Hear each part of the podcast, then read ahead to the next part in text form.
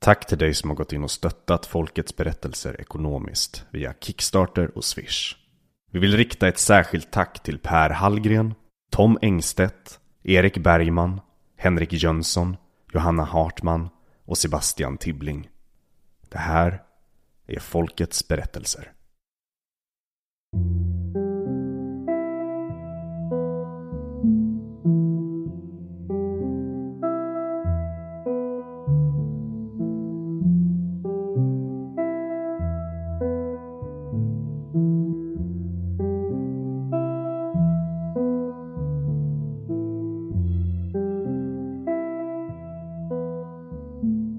En kall och regnig höstnatt någonstans i Göteborg. Det är mitt i natten. Ett lätt regn faller över mig. Jag står utanför en tvättstuga och försöker bryta mig in. Någonstans behöver jag sova för natten. Det är sådär kallt som det bara kan vara i just Göteborg den årstiden. Du är försvarslös mot den kylan. Det spelar ingen roll hur du klär dig. Det går in under kläderna, det går in under huden, det går rakt in i märg och ben. Jag har inget hem, jag har inte tvättat kläderna på flera veckor. Jag är smutsig. Jag luktar illa. Och nu är jag dessutom genomblöt. Dörren är låst, men i mitt ficka ligger ett gem. Jag kommer inte ihåg varför jag hade ett gem där, men det var på den där tiden när eh, man använde eh, blyertspennor, papper och eh, analoga verktyg mer än eh, mobiler. Och där låg det där gemet i alla fall. Någonstans i bakhuvudet låg alla filmer där privatdetektiven, hjälten eller inbrottstjuven viker ihop det där gamet och dyrkar upp dörren. Jag försöker detsamma. Viker ihop det, stoppar in gamet i nyckelhålet och vrider om. Och det händer ingenting såklart. För jag har ju ingen aning om vad jag sysslar med. Så jag vrider, ruckar och sliter och drar, helt utan framgång. För att få kraft i vridningen så sätter jag dit tänderna och börjar slita och dra i gamet. Biter så hårt jag kan. Och så plötsligt så knäcker det till i munnen. Och en tand har gått av. Jag reser mig upp, spottar ut tanden i handen och tittar ner på den. Om min utsida är smutsig och förfallen så är det ingenting mot min insida. Jag är ensam, jag har ingen kontakt med min familj. Mina viktigaste relationer är borta. Mina drömmar om framtiden är krossade. Misslyckad är ordet. Jag känner mig misslyckad. Jag är frustrerad, arg, full av smärta, full av hat. Och framförallt är jag fruktansvärt, fruktansvärt olycklig. Det är någonting med tänder som har med värdighet att göra. Hela och fina tänder, hel och fin värdighet. Så nu står jag där och tittar ner på den här tanden som ligger där, krossad i bitar tillsammans med min värdighet. Mitt i natten, mitt i regnet, smutsig, otvättad, ensam och olycklig. Utan någonstans att sova. Och jag tänker, hur hamnade jag här? Bara några år tidigare hade jag drömmar. Och jag hade stora drömmar. Drömmar om hur livet skulle bli. Drömmar om egen familj. Drömmar om en karriär. Drömmar om att göra avtryck. Hur hamnade jag här?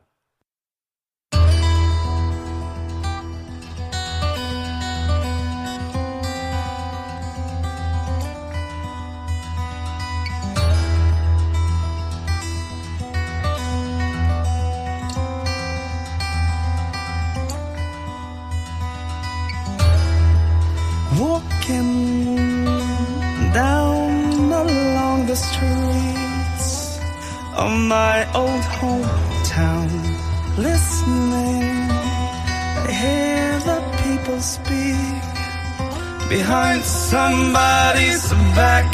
Hypocrisy, step on who's small, try to stop it all. Then you are the next to fall.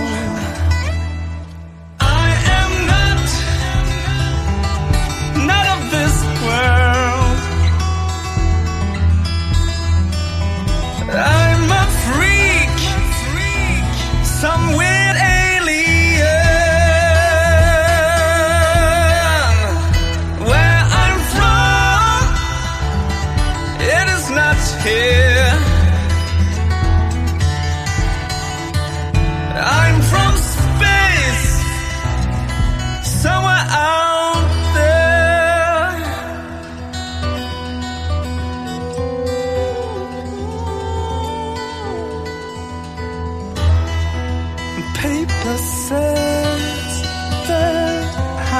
jump from bed to bed now. The more I succeed, it will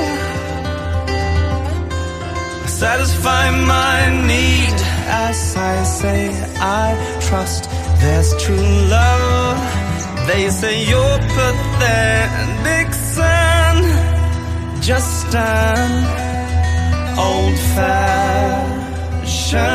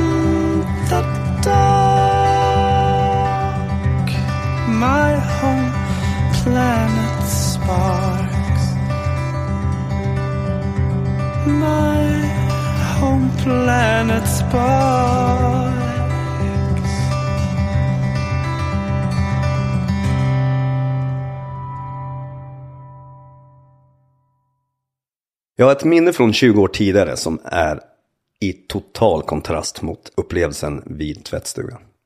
När jag var barn så bodde vi med familjen bredvid ett berg. Det där berget var egentligen en skogsdunge. Det låg på en höjd som var ungefär 3-4 meter högt. Men på södra sidan av dungen så fanns en klippavsats. Vi barn kallade den klippavsatsen för berget. När du är sex år gammal så är du så att det räcker med några meters höjd och ett par klippor för att det ska vara värdigt att kallas berg. Och där på berget på avsatsen så brukar jag sitta på kanten och dingla med benen. Det fanns en liten grop vid kanten av klippan där min lilla kropp passade perfekt. Från den kanten såg jag ut över vårt hus, över hela vårt bostadsområde, ända bort till lekparken vid horisonten, som jag brukade passera när jag skulle gå till skolan. Där gick solen ner och jag satt där ensam. Och jag tänkte på att jag finns till. Att jag existerar. Att det är just jag som ser ut genom de här ögonen. Tänk om jag inte funnits. Tänk att just jag fick finnas till. Det fascinerar mig att finnas. Upplevelsen av det ofattbart stora att vara vid liv fyller mig. Och jag känner tacksamhet. Jag känner mening. Harmoni. Sex år gammal. Vad behöver jag mer än att finnas till? Det räcker med att leva för att ha nått meningen med livet. Som att alla mina behov är uppfyllda. Inget mer behövs. Jag sitter där och funderar ärligt på den där klippavsatsen. Om det verkligen går att känna mer lycka än vad jag gör. Där och då. Och jag kommer ihåg att jag väldigt tydligt tänkte den här tanken. Jag måste vara världens lyckligaste människa. På den här tiden när jag var lyckligast i världen så bodde vi i Linköping. Farsan var fotbollsspelare i Allsvenskan. Laget kallades Peking, IFK Norrköping. Och halva min barndom sammanfattades av att springa omkring i omklädningsrum bland muskulösa fotbollsben. På den här tiden var alla planer av riktigt gräs. Och doften av gräs, svett och tigerbalsam det får mig fortfarande att göra en tidsresa till 80-talet. Spelarna verkade också tycka att det var roligt hur jag och min lillebror var med dem. Och de skojade ofta med oss. Jag tror att vi alla uppskattade det. Det var en rolig tid. Jag började skolan och jag var fortfarande lyckligast i världen. I allmänhet som andra barn. Med andra ord unik, fantastisk och speciell. Men i övrigt tror jag inte att jag stack ut. Förutom på ett sätt.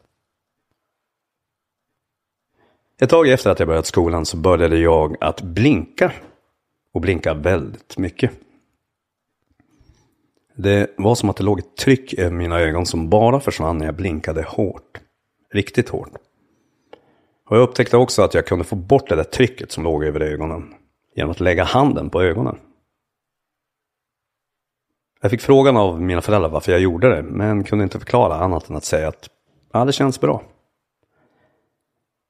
Och det där trycket, den där svårförklarade känslan runt ögonen, den spred sig till andra muskler i kroppen.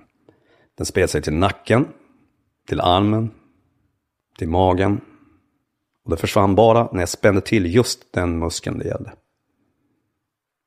Efter ett tag spred sig den där känslan, det där trycket som är så svårförklarligt som jag fortfarande söker ett ord för att förklara. Till stämbanden. Och det enda sättet att få bort det var att göra ljud. Jag hummade, jag hostade, jag fnös. Mm -mm Jag upplevde inte att omgivningen såg snett på det. Som barn vet man ju inte, men det var inget jag uppfattade där och då i alla fall. Och de där ticsen hängde med genom skolan. Mina föräldrar förstår jag i efterhand oroade sig för att jag skulle bli retad, men det upplevde jag aldrig själv. Min mor gav mig ett bra tips också.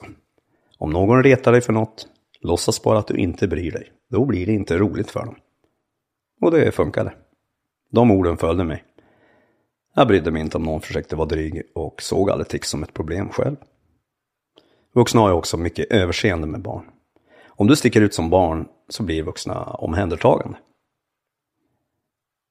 Men i efterhand har jag förstått att skolan inte var för mig. Vad som var speciellt var att ju mer jag satt stilla, och speciellt med uppgifter som inte var väldigt stimulerande i nuet, så fick jag ännu mer tics. Många år senare skulle de där ticsen få ett namn, och det namnet är Tourettes syndrom. Men eh, på 80-talet, då namngav man inte saker. Man observerade och tänkte att med lite jävlar anamma så skulle det gå att bestämma sig för att bara sluta tixa. Det studsade runt saker i kroppen på mig så fort jag var tvungen att sitta stilla. Inte för att det borde ses som konstigt för någon överhuvudtaget.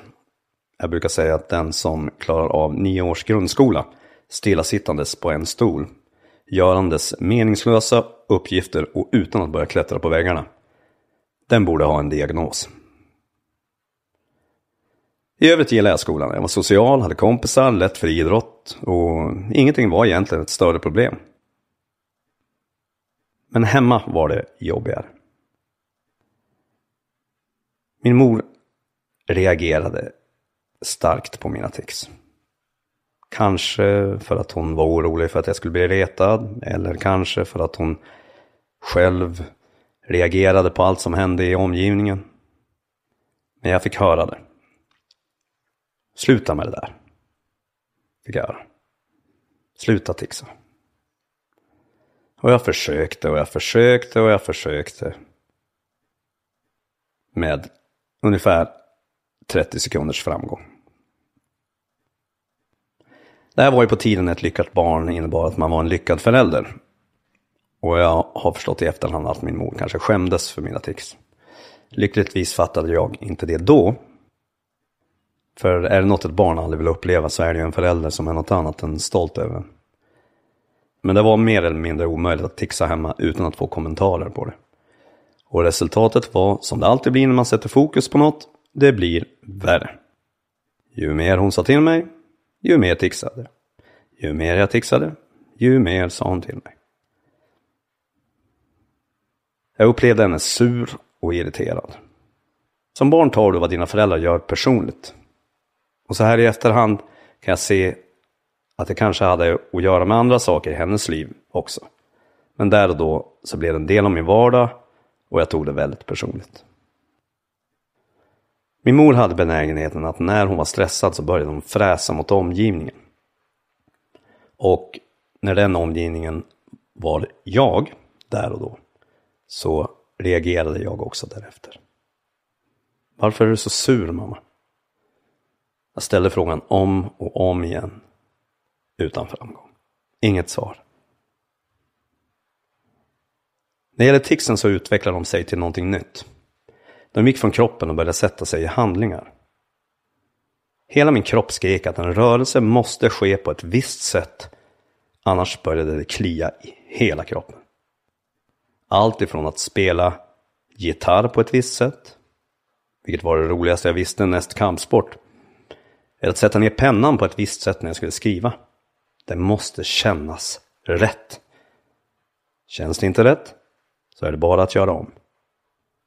Efter ett tag fick jag idén att jag måste göra det på ett visst antal gånger. Och det måste kännas rätt varje gång. Det började med tre gånger. Rätt varje gång måste det bli. Det utvecklade sig till fem gånger. Och det måste bli rätt varje gång. Men om man gör fem, då kanske det är lika bra att göra fem två gånger. Så det var tio gånger.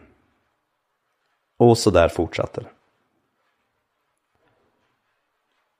Jag kommer in i köket en dag och min mor fräser mot mig. Jag kommer inte ihåg vad det gällde. Men jag hittade ingen koppling till någonting alls. Varför är du så sur mamma? Hon slänger ur sig en spydighet om ämnet. En spydighet som sårar och jag ställer frågan igen. Varför är du så spydig mot mig? Ingen skillnad uppstår. Hon slutar inte och envist stannar kvar och håller frågan mot henne. Varför är du så sur mot mig mamma? Det blir värre och värre. Hon väljer ord som ska såra så mycket som möjligt. Spydigheter är vapnet. Hon svingar dem vilt. Och det gör ont. Efter ett tag blir jag desperat och skriker rakt ut. Varför är du så spydig mot mig? Plötsligt svarar hon. Din pappa är ju aldrig hemma. Jag blir tyst. Svaret chockar mig. Jag förstår där och då att hennes oro och irritation egentligen inte har med mig att göra överhuvudtaget. Det är inte ofta jag blir tyst. Men nu vart jag det. Jag hade inget mer att säga. Och jag går därifrån. Jag går därifrån med en mix av insikt att jag inte borde ta det personligt. Samtidigt en frustration och en ilska. Är det jag som ska få skiten för det?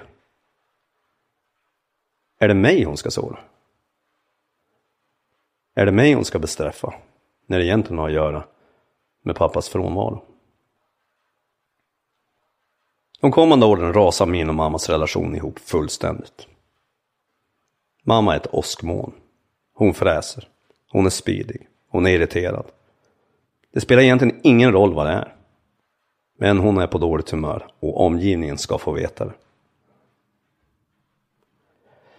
Själv så reagerar hon på allt som händer och då mina tics blir värre, speciellt när hon är på dåligt humör, med andra ord nästan jämt, så är det jag som får smaka på de spydigheterna. Jag tixar. Du skulle bara se hur du ser ut när du gör sådär, fräser hon. Och lämnar mig med det knivhugget rakt in i mitt hjärta. De går förbi mitt rum och ser mig tixa, stannar hon upp, tittar argt på mig och smäller igen dörren om mig. Att se sin egen mor smälla igen dörren för att man tixar, det är ett av de sår som aldrig läker helt och hållet. Jag blir mer och mer desperat och konfronterar henne varje gång. Med den nu tusentals gånger ställda frågan. Varför är du så sur mot mig mamma? Varför är du så spydig mot mig? Och hon svarar som hon oftast gör. Åh, vad jobbig du är. Sen går hon och låser in sig på toan. Och kvar står jag med ilska, förnedring och känslan av att vara förkastad. Någonting växer i mig.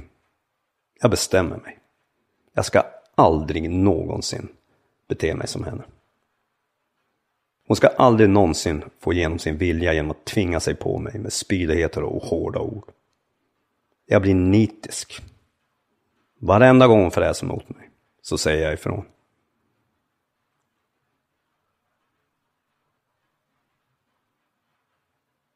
Jag känner att jag blir rörd själv.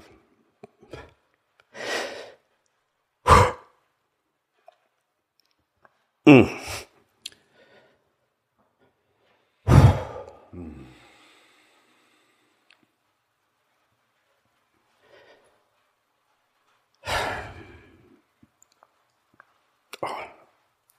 Ja, det där sitter kvar alltså. Ser du? Sådana där saker sitter kvar. Det sitter djupt menar jag. Ja, vilket helvete det var. Riktigt helvete. Och det svåra med det, det är att liksom att... Att... Så här, liksom i efterhand så kan man ju se att saker inte är personliga på ett sånt sätt. Som man kanske tar som barn. Exakt. Eh, men där och då är det ju bara... Det är ju hela min värld. Exakt. Det där är det enda som händer. Jag har hennes barn. Ja, det går ju rätt in alltså. Det är så det är. Det är så barnens verklighet ser ut liksom. Du tar det personligt. Det handlar om dig. Så är det. dawn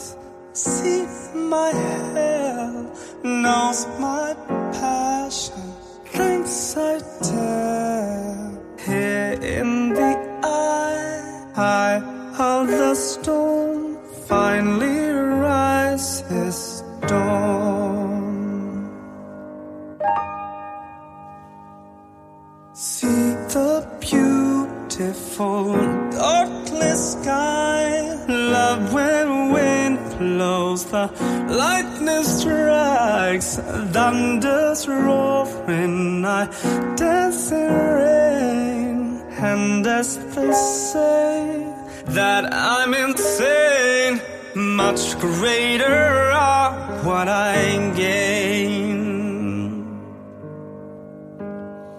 and I fall down on the height of my own worthless image. Empty words and plastic smile. I brutally crash down to the bottom of my feelings, down into what is real life. I put my feet up on the ground.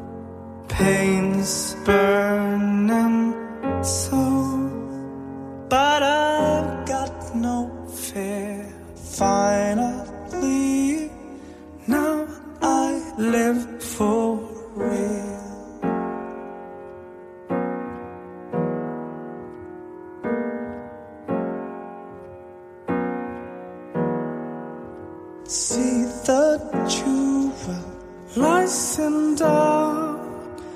but go nearer, watch it spark. Lights in darkness shows much more. In garbage land, if you'll go near, there's a treasure around here.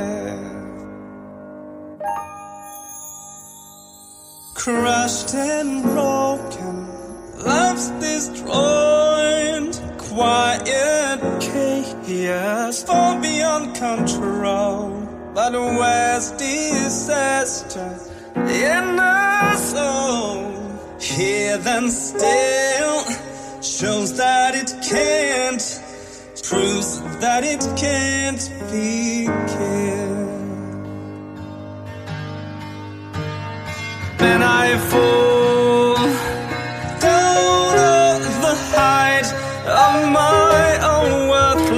worthless image. Empty words and plastic smile. I brutally then crash down to the bottom of my feelings, down into what is real life.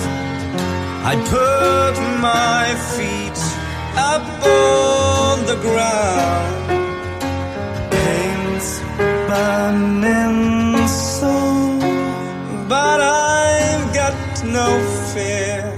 Finally, now I live for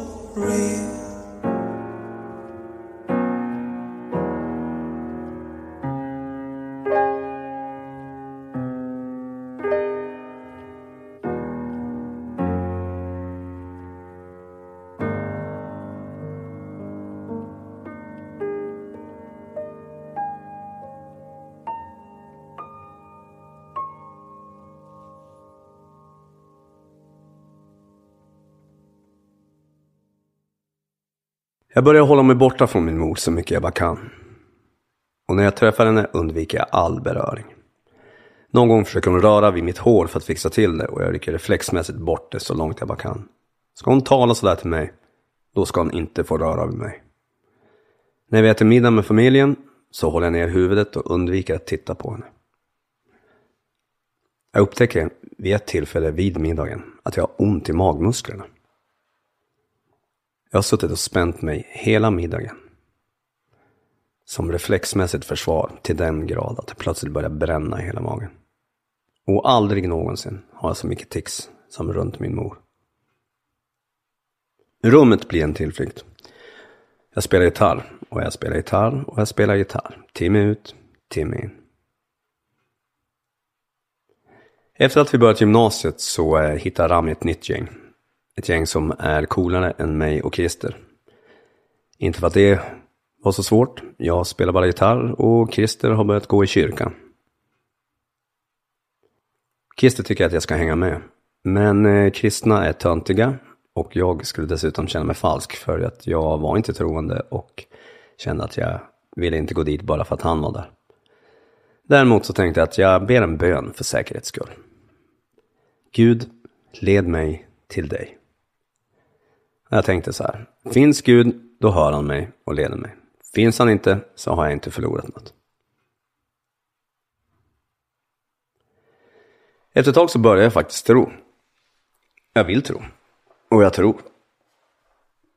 Min största farhåga var fortfarande att man skulle bli töntig om man blev kristen, men eh, viljan att, att tro blev större, så jag hängde med kristet i kyrkan. Kyrkan blev inte mitt andra hem. Det blev mitt första. Gänget av ungdomar som fanns där hade en gemenskap jag aldrig mött förut. De gamla tanterna, de var underbara. De kom alltid fram och gav mig en kram. Jag hade ingen aning om vad de hette, jag vet inte om de visste vad jag hette, men alltid den där kramen. De strålade av omtänksamhet. Kyrkan blev min tillflykt från hemmet och åskmolnet där hemma. Det är fortfarande kaos där hemma. Samma gräl, samma utkomst. Fram tills ett tillfälle. Jag var nu 17 år gammal. Och jag minns inte varför vi stod där och jag minns inte hur det började. Vi hade minst ett gräl varje morgon, ett gräl varje kväll. Så det var svårt att komma ihåg. Men jag gissar att det började som vanligt. Mamma vräkte ur sig något irriterat. Jag blev sårad, konfronterade henne. Jag försökte övertala henne att hon borde säga förlåt. Hon vägrar, jag backar inte och sen spårar det ur. En gammal klassiker. Efter ett tag in i grälet så har eh, mamma sagt till mig att jag måste gå bort från nedervåningen. Att jag borde gå upp för trappen till mitt rum. Jag kommer inte ihåg varför, om det var läggdags eller om hon bara var bara ville bort från samtalet. Men det hade landat i någon form av maktkamp där hon skulle få mig att gå in på mitt rum och jag vägrade gå därifrån. Som svar på min fråga om varför hon alltid är så sur så sa hon att jag måste låta så här för annars gör du inte som jag säger. Det är ett stort misstag. Aldrig någonsin skulle jag acceptera att hennes humör, spydigheter och hårda ord skulle vara anledningen till att jag gjorde någonting.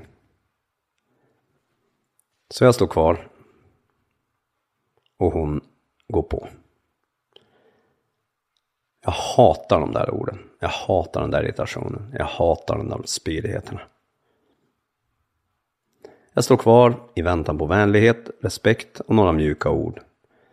Från den mor jag innerst inne längtar efter acceptans och kärlek ifrån. Mammas ord blir värre och värre och värre. Jag står kvar. Nu säger jag ingenting. Jag möter hennes ilska med tystnad och det är som att det provocerar ännu mer. Hon blir argare och argare. Jag står kvar. Jag är tyst. Hon börjar slå på mig. Det är inga slag som är ont eller som egentligen är menade att skada. Den där typen av slag man kan se i gamla filmer från eh, första delen av 1900-talet. Svartvita filmer där en kvinna slår kraftlösa slag mot bröstkorgen på en man som hon är arg på. Jag håller upp armarna mellan mig och henne. Hon slår på mina armar samtidigt som hon skriker och jag är tyst. Leden som träffar mig i knogarna och det är inte ont. Men jag vet inte vad jag ska säga, jag vet bara att det där hon gör mot mig ska inte få mig att gå in på mitt rum. Jag står mot väggen, ner vid trappen, upp mot övervåningen där mitt rum ligger. Mamma skriker, jag är tyst. Hon är arg och utstrålar extrem frustration. Jag bara står där och tar emot skriken, knuffarna och slagen. Och ju mer tyst jag är, desto argare blir hon. Som att det uteblivna motståndet gör henne mer och mer frustrerad. Det här är hon inte van vid. Hon är inte van vid att jag bara står tyst. Under tiden som hon skriker, slår mot min bröstkorg och försöker knuffa mig upp för trappan så finns bara en enda tanke och den genomsyrar hela min varelse. Jag ska aldrig bli tvingad på det här sättet. Alla gånger hon sagt att hon måste tvinga mig genom sin irritation eller hon måste låta otrevlig och spydig för att man ska göra som man säger. Det ska aldrig, aldrig få vinna. Samtidigt förnedrar hon mig med kommentarer om hur dåligt det kommer gå för mig, hur jag ser ut med mina ryckningar eller ja, allt det där. Alla de där orden. Alla de där spydigheterna. De ska aldrig få bli en sanning. De ska aldrig få rätt. Går jag upp nu så är det som att de där hatade orden vinner. Jag dör hellre.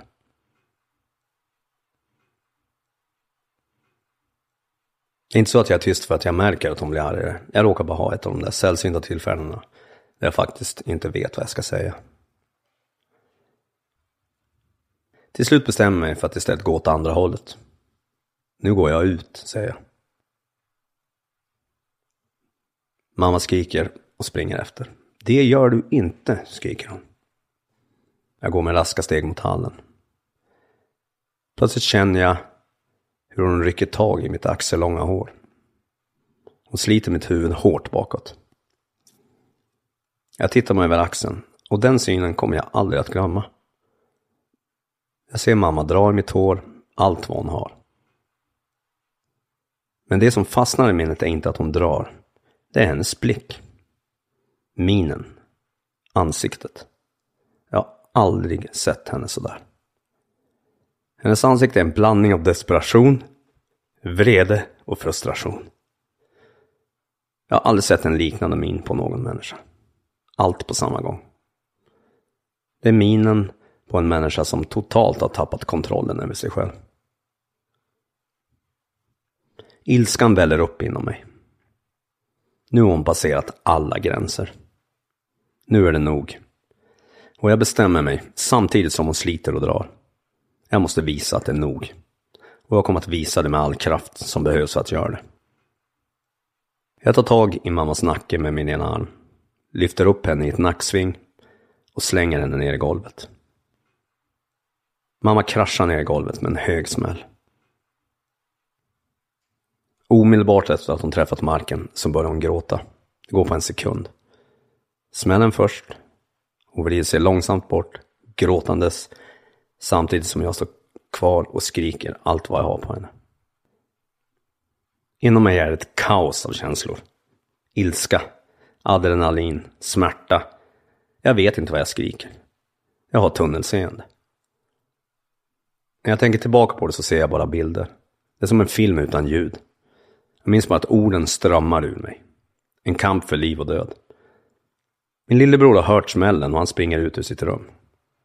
Tidigare har han, som vanligt, tvingats Att vara tyst vid sidan av under våra gräl. Stackars lillebror. Det första han ser är mamma liggandes på golvet, gråtandes och mig stå och skrika över henne. Han börjar skrika på mig. På det sättet en arg tolvåring gör. Är du helt dum i huvudet brorsan? Ja det är du, skriker han. Jag springer ut i hallen, tar skorna i handen och springa ut genom dörren i strumporna. Det är ovant att springa på asfalt i strumpor.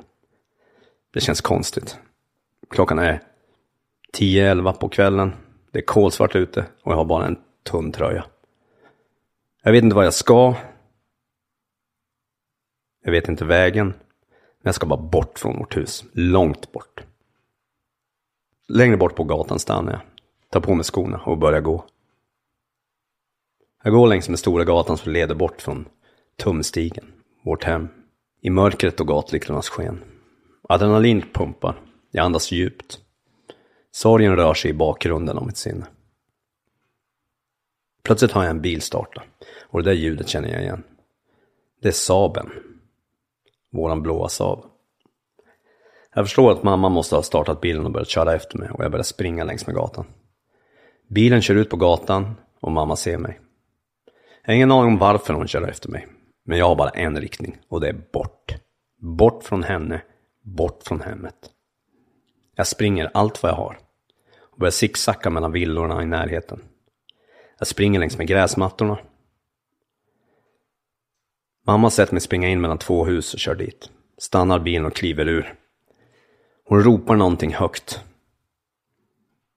Om och om igen där i mörkret. Jag hör inte vad hon ropar. Jag bara springer. Hon ropar igen, jag springer. Hon ropar igen, jag springer. Och jag springer och jag springer.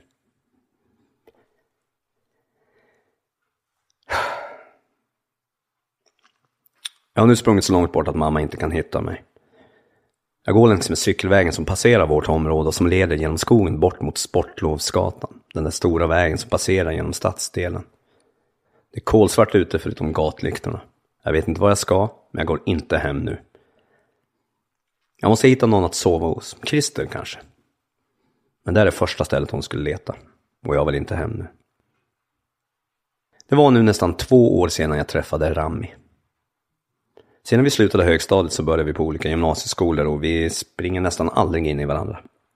Och vi har ingen kontakt utanför skolan. Men Rami var min bästa vän under uppväxten. Förutom Christer. Och jag litar på honom. Jag bestämmer mig för att gå till hans hem och kolla om han är vaken. När jag närmar mig hans hus så ser jag att det lyser. Hans mamma står inne i köket. De är vakna. Skönt. Jag knackar på hans mamma öppnar. Hej Jonas, det var länge sedan, säger hon. Ramis mamma har en överraskande glad min klockan elva på kvällen efter att inte ha sett mig på två år. Hej, är Rami vaken? svarar jag. Ja, han är där uppe, säger hon. Och visar att jag är välkommen in. Jag blir förvånad över hur obekymrad hon verkar vara. Hon ser mest bara glad ut över att se mig och hon viftar in mig i huset. Jag går upp för trappan och dörren till Ramis rum, som står öppen, och går rakt in. Rami sitter i sängen i kalsonger med täcket över benen. Han är på väg att sova men har inte hunnit släcka än. Han tittar upp mot mig och ser fullt förståeligt väldigt förvånad ut. Det här är första gången vi ses ordentligt på två år. Jag kommer in klockan elva på natten och han sitter i kalsonger på väg att lägga sig. Jag förstår att han är överraskad. Hej Jonas, säger han med ett frågande leende på läpparna. Jag sätter mig ner i hans soffa. Hej Rami, svarar jag. Sen från ingenstans och på ett ögonblick så börjar jag gråta. Stor gråta. Det kommer helt utan förvarning. Jag kände inte ens att det var på väg. Gråten exploderar ut ur mig och jag får inte ur mig ett ord. Jag bara gråter och gråter och gråter. Hulkande gråt. Rami ser väldigt vilsen ut. Han har fastnat i en min som är en mix av förvåning, ett stelt leende och uppspärrade ögon som aktivt försöker greppa vad det är som händer framför hans ögon. Vi har alltså inte träffats på två års tid och det här är det första som dyker upp klockan elva på kvällen. Till slut lyckas jag få ur mig några ord. Kan jag sova hos dig i natt, Rami?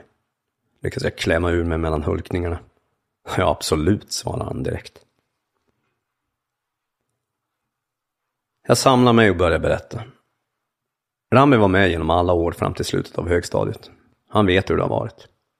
Han berättar själv att han minns hur ofta det var bråk hemma hos oss. Och jag berättar att det har fortsatt. Och att det har blivit värre. Vi pratar om situationen ett tag, men sen så börjar vi prata om andra saker. Vi pratar om hans liv på gymnasiet. Vi pratar om mitt liv på musiklinjen. Jag ligger på en soffa insvept i ett täcke. Vi har en bordslampa tänd, det är mörkt ute och det är faktiskt riktigt mysigt. Vi pratar länge in på natten och jag är väldigt glad för att få träffa Rami igen.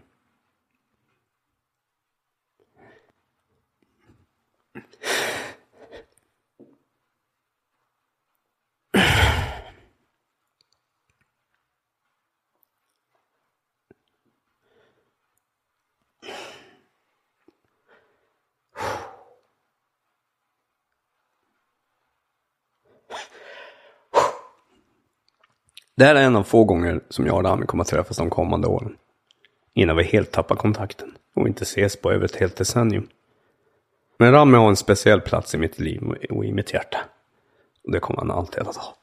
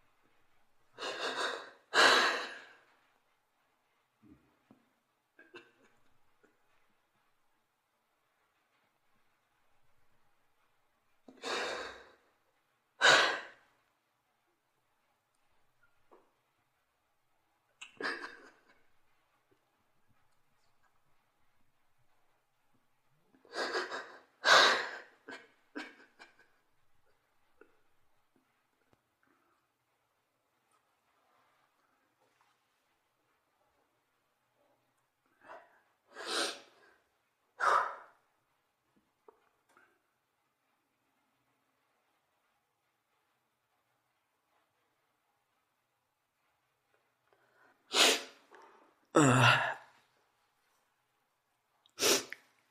är som att återuppleva hela skiten igen.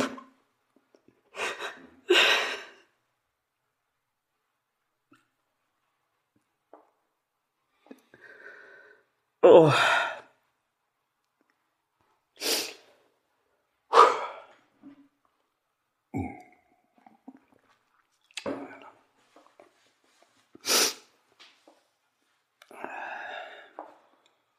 se om jag klarar det här.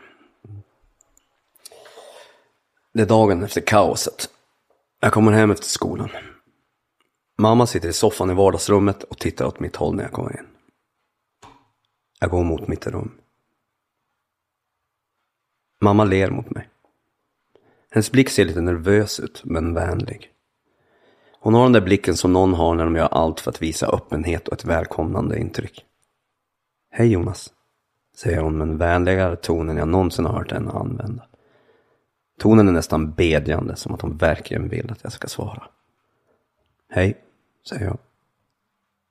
Vill du komma hit och sitta här en stund? Frågar hon.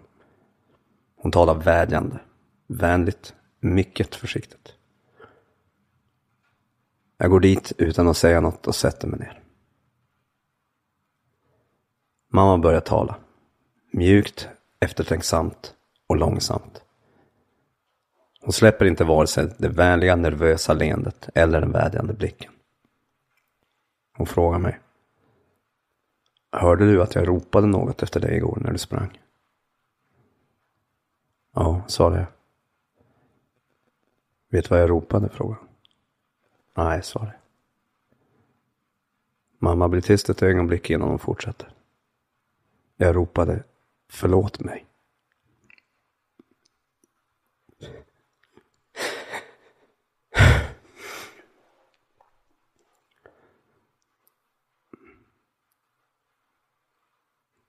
Mamma blir tyst igen.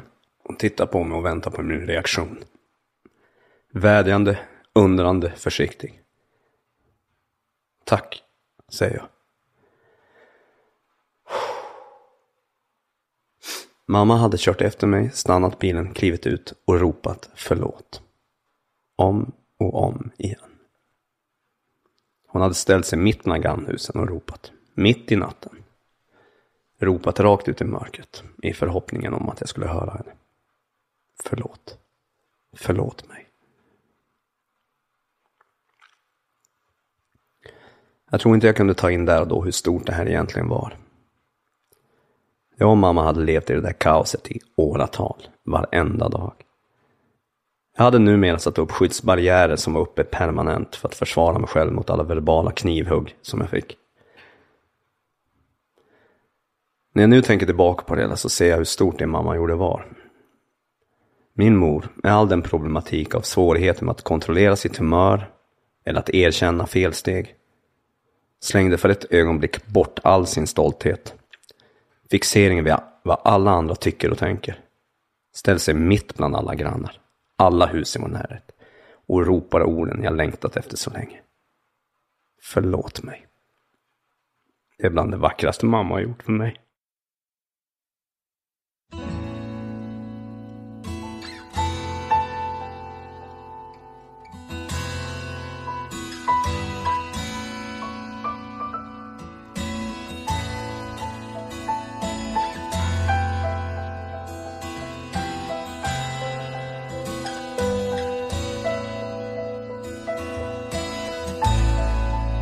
Watching the sky, the beauty right before it eats me alive. It's chewing me well, then spits me out. I drop and fall to the ground. The sight is astonishing. It's shining in purple and gold. The moment it reaches my eyes, it's like a dagger piercing my soul. What's divine if this is not a tool meant for reaching out to grab my wounded heart, my soul.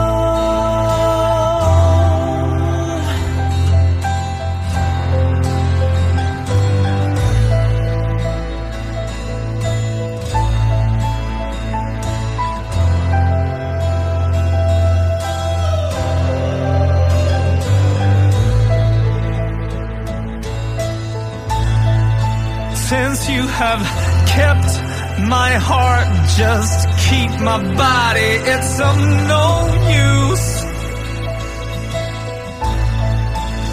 I have surrendered to the beauty of this life that I choose.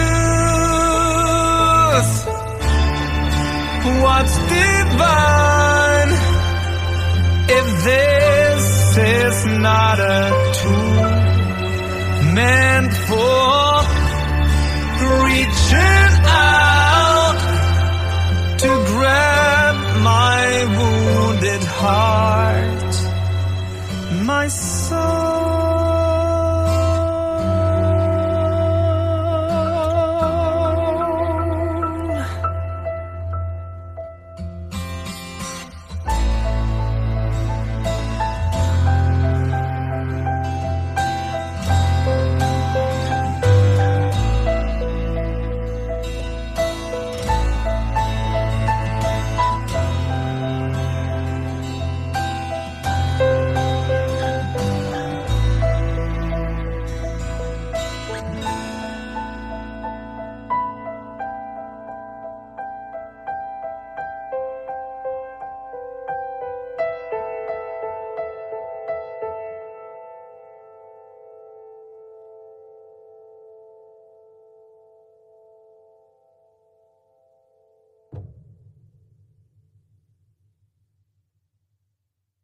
Efter det här blir det lugnare hemma. Min mor drar sig tillbaka. Hon ger inte utlopp för sin irritation på samma sätt. Däremot uppkommer en ny tid. Jag blir som en gäst hemma i huset. Ingen frågar något. Ingen hälsar. Jag kommer och går. Det är inte så att vi fick en ny relation. Där jag fick alla mina vildaste drömmar uppfyllda om att bli bemött med ett leende och en kram. Accepterad som jag är och med ett leende. Det är bara tomt. Ingen frågar.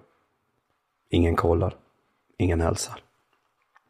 Jag håller mig fortfarande borta. Sitter på mitt rum, går i kyrkan, spelar gitarr. Men jag bär på en längtan. En längtan att få någon gång möta den där relationen med min mor som jag hade hoppats på genom alla år. Längtan om att få höra ett erkännande över hur det har varit och hur mycket hon har sårat mig. Åren har satt djupa spår i mig och jag bär på mycket ilska. Ofta fantiserar jag. Fantasin går till så här. Min mor är sur och spydig.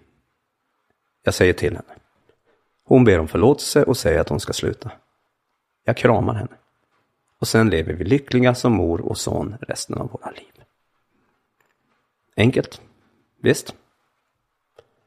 Men det kommer aldrig. Jag flyttade hemifrån ett par år senare.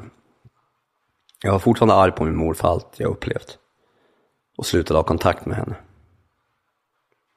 Christer hade jag egentligen längre kontakt med heller.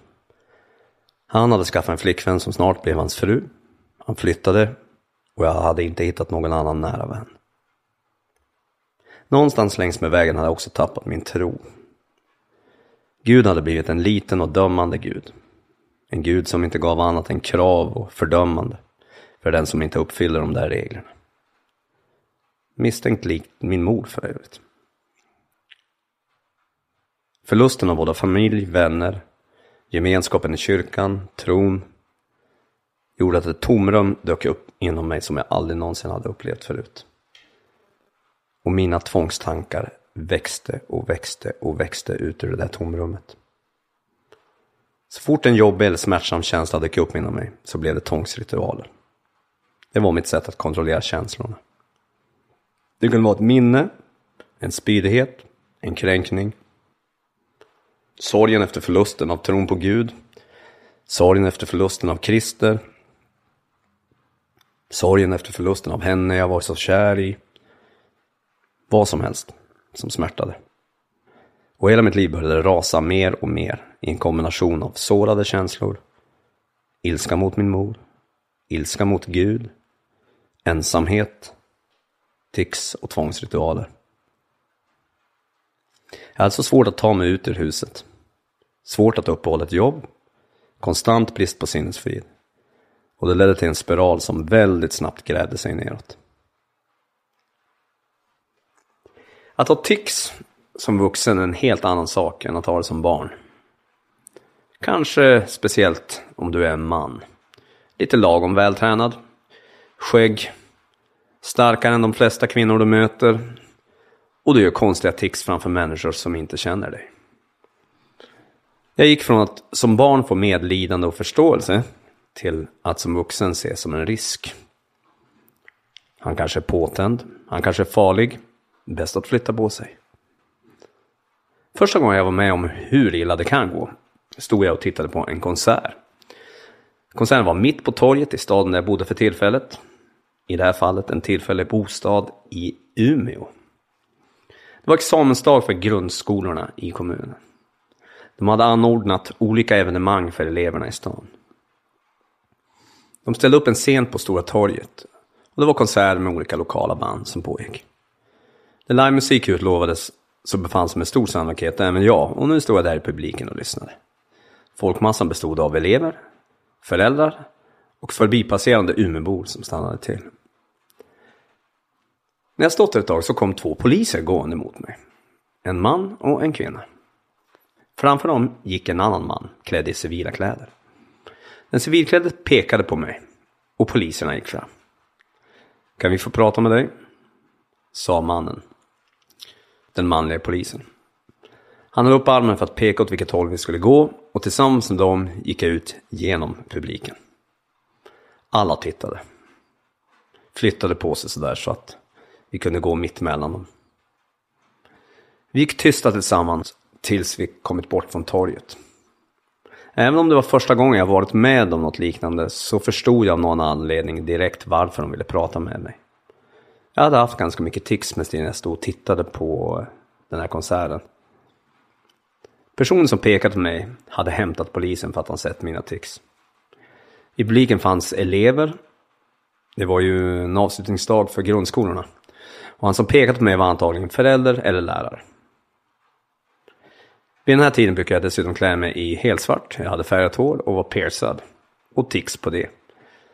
Vi vet ju alla vad sådana går för. Och som en riktig vardagshjälte så hade den här föräldern, alternativt läraren, hämtat polisen i tron att de behöver skydda eleverna från den här till synes påtända knarkaren. Jag och poliserna går fortfarande bredvid varandra. Vi säger ingenting tills dess att jag med blicken ner i backen bryter tystnaden och säger till en av dem. Jag förstår varför ni vill prata med mig. Han svarade, gör du? Han vände sig mot mig, tittade mig i ögonen någon sekund och sen sa han, du har tics va? Jag nickade. Jag hade aldrig haft problem med att prata om mina tics. Jag har aldrig skämts för dem. Men det var något med den här situationen som fick mig att känna mig så sårbar. Avklädd. Förnedrad. Det där med att man ska gå ut genom en hel folkmassa. Alla tittar. Som att jag är ett utställningsobjekt. Det varje person som tittar såklart undrar vad jag kan ha gjort som förtjänar att omhändertas av polis. Ytan rann av mig. Mina tuffa svarta kläder och mina piercingar. En yta som jag i vanliga fall gömde mig bakom. De gjorde nu bara känslan av skam och utsatthet ännu starkare. Jag kände tårarna komma. Mina läppar darrade. Och jag kunde inte hålla tillbaka. Det brast och jag började gråta. Mitt framför polisen. Mitt framför alla människor som passerade. Den där mystiska svartrockaren med det mörka allvaret grät nu som ett barn mitt på stan. Den kvinnliga polisen såg ut att lida med mig. Hon lyfte uppgivet armarna och sa Jag är ledsen, men vi måste bara göra vårt jobb. Ja, jag vet. Men det är bara så jobbigt, sa jag. Vände mig om och gick bara därifrån. Det här var första gången jag haft med polisen att göra på grund av mina tics. Det skulle inte bli en sista. I övrigt började jag vara med om att folk flyttade sig på bussen. De pekade. Barn fnissade. Jag kunde gå på en sekund. Jag kunde få kontakt med någon och ha ett trevligt samtal. Men när ticsen kom så började misstänksamheten. Från början vart jag förbannad. Men sen vande jag mig. I övrigt rasade livet. Minnena av alla min mors ord. Förlusten av en mening med livet. Ingen kontakt med vänner. Smärtan av förlorad kärlek. Varenda jobbig känsla som kom var som att den landade på en hög som bara blev större och större och större. Och en rot i mig av smärta och bitterhet började gräva sig djupare och djupare.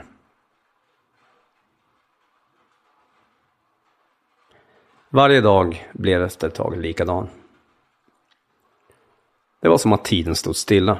Samma känslor, samma tankar, samma sorg, samma smärta. Idag är igår, igår är i höstas, i höstas är flera år sedan. Dagen slutar där den börjar och dagen börjar där den slutar. Det var som att från och med den dagen när allting rasade så var det som att tiden slutade existera. Jag kunde inte uppehålla ett jobb. Jag lever på en kombination av socialbidrag, svarta pengar från trubadurspelningar på krogar runt om i staden och lånade pengar. Så här vaknar jag nästan varje morgon. Jag vaknar med ögonlocken stängda. Bilderna från mardröm håller mitt inre i ett järngrepp. Jag har fortfarande inte öppnat ögonen. Bilder och känslor bubblar upp inom mig. Sorg, ångest, ilska, krossade drömmar, besvikelsen på mig själv, känslan av att bli förnedrad av mamma, Saknad och rädslan för den Gud som en gång gav mig trygghet. Saknaden efter henne med stort H. Ångest över vad som helst och ingenting. Insikten av att ännu en gårdag gick åt helvete. Jag ligger kvar där i sängen och börjar arrangera olika tvångsritualer för att lyfta bort minnesbilderna från de drömmar jag haft. Jag tar tag i minnet från en dröm. Jag upprepar drömmen. Men jag fantiserar om slutet så att det blir ett bra slut på det den här gången. En minut. Fem minuter. Jag slår upp ögonen. Jag tittar på väggen och för blicken mot resten av rummet.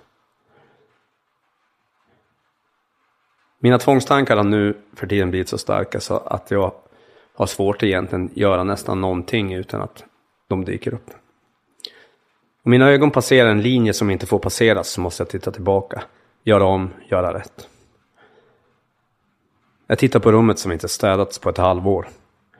Kaoset, den mögliga disken, dammet, kläderna som täcker nästan varenda kvadratcentimeter. Känslan av förakt slår mig i magen. Förakt för mitt eget liv. Sorgen, allt blir starkare. Det tar över, det slår mig i ansiktet. Det skriker rakt ut. Måste kontrollera smärtan. Ta kontrollen. Hålla bort sorgen. Jag knackar i väggen. Det är ett sätt som brukar få bort ångesten.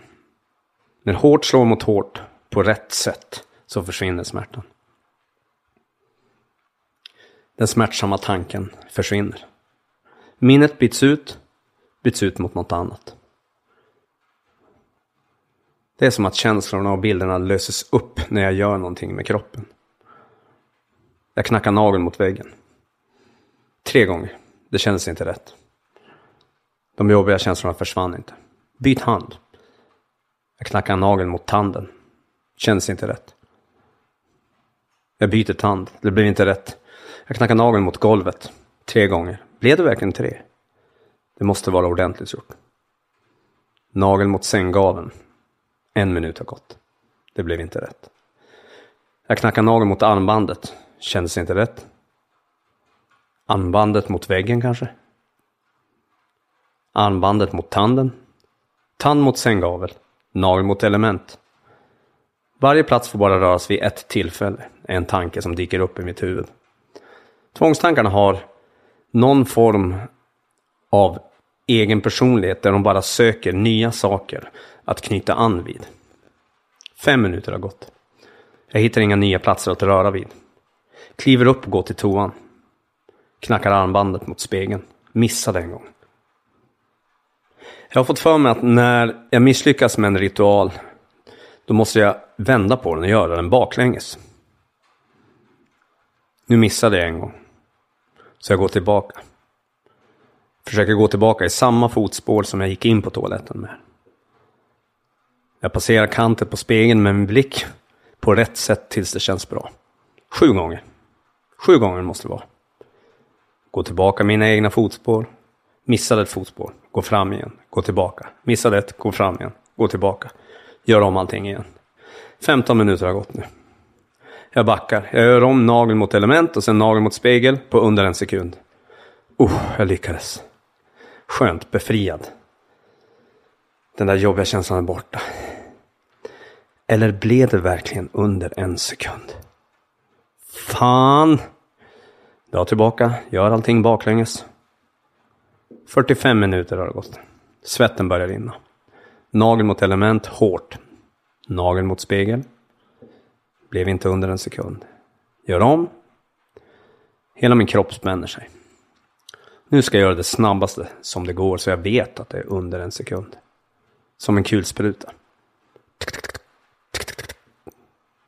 Men blev det verkligen med nageln eller var det bara fingret? En timme har gått. Jag börjar göra om alla ritualer. Gör om, gör rätt. Backa allt. Föra blicken fram och tillbaka. Undvik att föra blicken förbi en rak linje. En rak linje hindrar ritualen från att göras. Den är det som, vad det nu är, som levererar tvångsritualerna har hittat på åt mig. Jag tittar upp, förbi spegeln, ner förbi dörrkanten. Gör en ritual korrekt och får tillåtelse att gå förbi linjen där väggen möter golvet. Passerar, för blicken ut genom dörren. Går in i köket. Byter instrument. Jag knackar gaffeln mot väggen. Svetten rinner. Jag knackar gaffeln mot spisen. Fast det kändes inte rätt. Det blir inte på rätt sätt. Två timmar har gått. Gaffeln byts mot ett glas. Tre timmar senare. Rör glaset med rätt hand. Lyft glaset. Rör det försiktigt mot spisen. Knacka två gånger så blir det nog bra. Bra, klar. Nej, fan det måste vara tre. Minst tre. Blev inte rätt. Jag backar, gör om, byter till tallrik, knackar i Knacka Knackar tallriken mot spisen. Nageln mot skåpet, tanden mot skåpet. För blicken fram och tillbaka på rätt sätt. Men blev det verkligen ordentligt gjort? Knackar på datorn, knackar på bord. Där satt den. Pustar ut, slappnar av. Klar. Tvångsritualer. Det är min drog. Trots allt så lyckas jag ta mig in på Musikhögskolan i Göteborg. Drömmen om att få syssla med musik i framtiden är den enda dröm jag har kvar nu. Och jag snubblar framåt så gott det går mot det. Men väl där så funkar inget i praktiken. Ångesten, hatet och ilskan, tomheten och ensamheten, det låter mig aldrig sova på nätterna. Tvångsritualerna hindrar mig från att gå till skolan, betala hyran eller fixa med vad som helst som ett liv på en högskola innebär. Och här någonstans Hittade mig i en trappuppgång en regnig natt i Göteborg för att få någonstans att sova. Jag löste det i perioden genom att vara kreativ. Sov på en soffa hos en kompis ett tag. Höll mig borta så att han inte skulle bli less på mig. Åkte till en annan stad och stannade hos en bekant. Åkte tillbaka när jag tänkte att han kanske skulle stå ut med mig en vecka till. Fick ett tillfälligt boende på ett elevhem. Sov på skolan under några veckors tid. Enda utmaningen var att vaktmästaren inte skulle upptäcka mig på kvällen. Så där höll jag på. År ut och år in.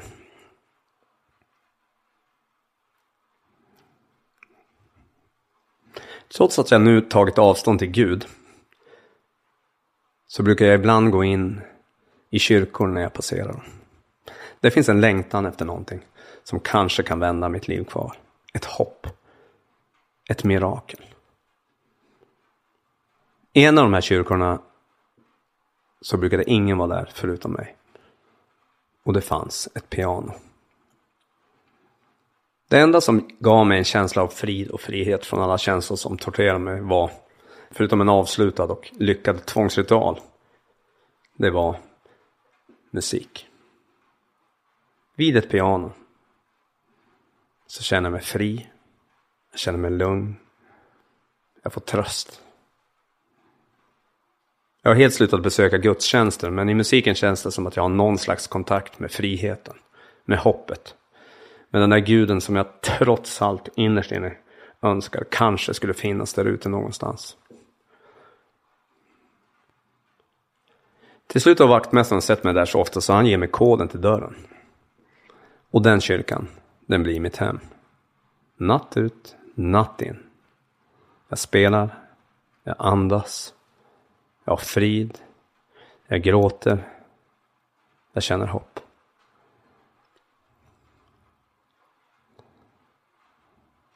Jag kommer ofta sent på kvällen när alla har gått hem. Jag knappar in koden till ytterdörren, öppnar dörren och vandrar in i mörkret.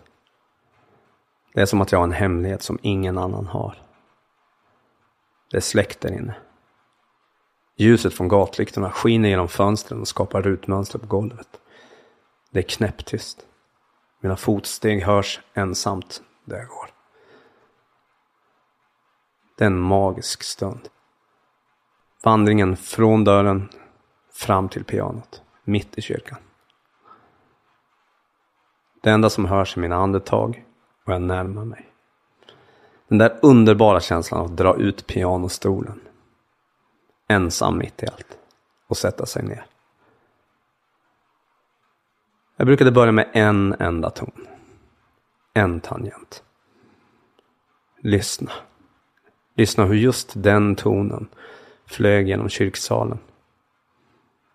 Hur den skapar egna melodier i sig själv när den studsar mellan väggarna. Jag lägger till en ton. Lyssna till relationen mellan dem. De där två tonerna skapar ett möte som är unikt varenda gång. Mitt i mörkret, mitt i natten. Helt ensam. Resten av den natten så spelar jag, sjunger, gråter, skriker och skäller på Gud. Den Gud jag både hatar och längtar efter. Av någon anledning så känns det som att han lyssnar lite mer på min klagan där inne. Pianot, det är min nya drog och jag knarkar de där tangenterna. Jag går hem klockan sex på morgonen, sover hela dagen, har tvångsritualer i tre timmar och går tillbaka till pianot.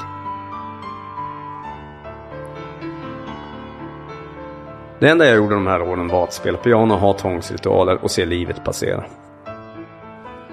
Jag fyllde 30 och det var någonting med att se den där tvåan i början av åldern bli en trea som slog oerhört hårt. Allvaret blev kristallklart. Om jag inte vänder mitt liv så kommer jag att dö olycklig. Jag hade börjat tappa glädje till och med i musiken. Jag började bli likgiltig. Jag kände mig död inombords. Under de här åren hade jag lyckats skriva en samling stycken som jag väldigt gärna ville att någon annan skulle lyssna till.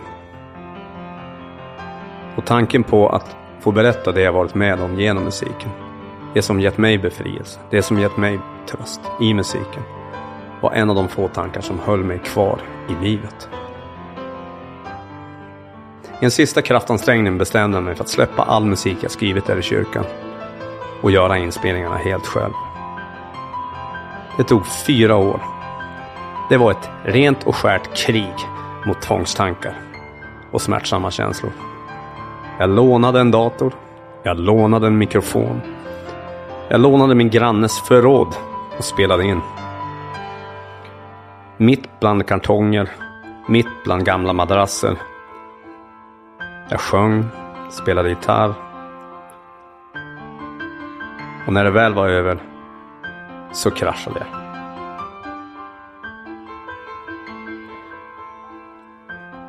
Samma dag som albumet släpptes så la jag bort allt som hade med musik att göra. Den kommande veckan grät jag varenda dag.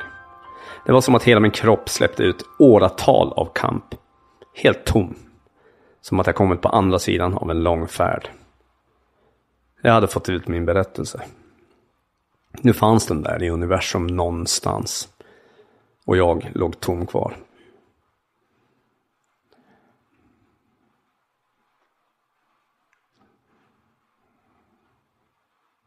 Den kommande tiden blev en ny tid.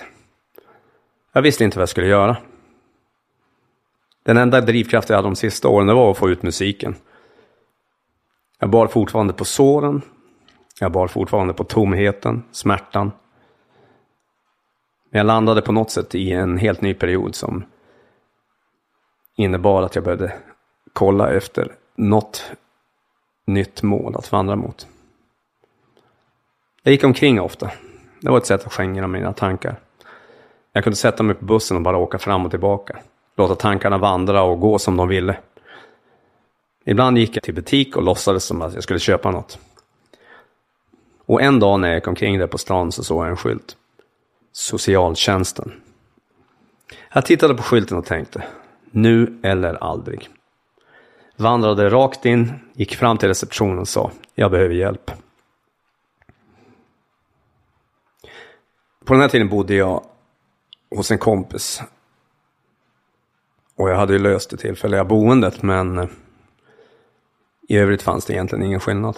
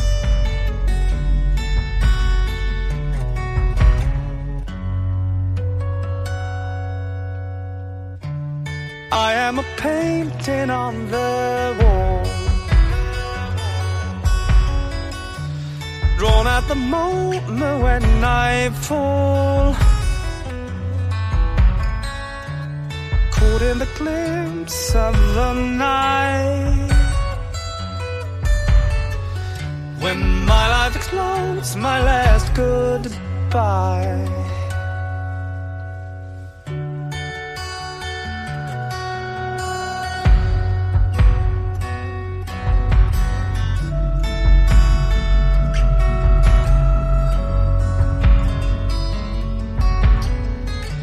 Now in the gallery of life, I'm watching the people pass on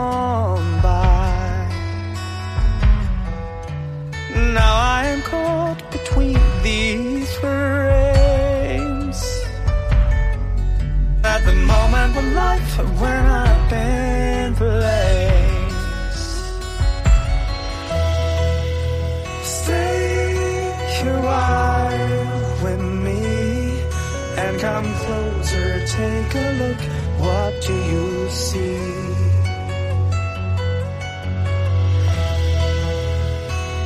Admire or despise? It doesn't matter as you look.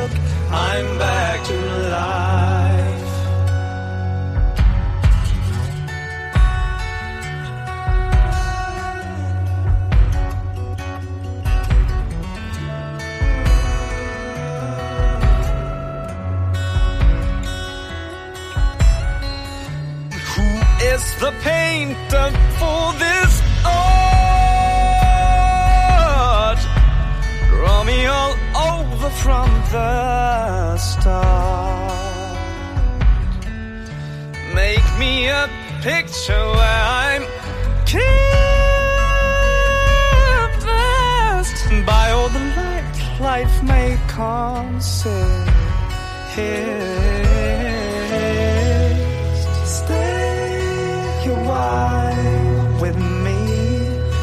Come closer. Take a look. What do you see?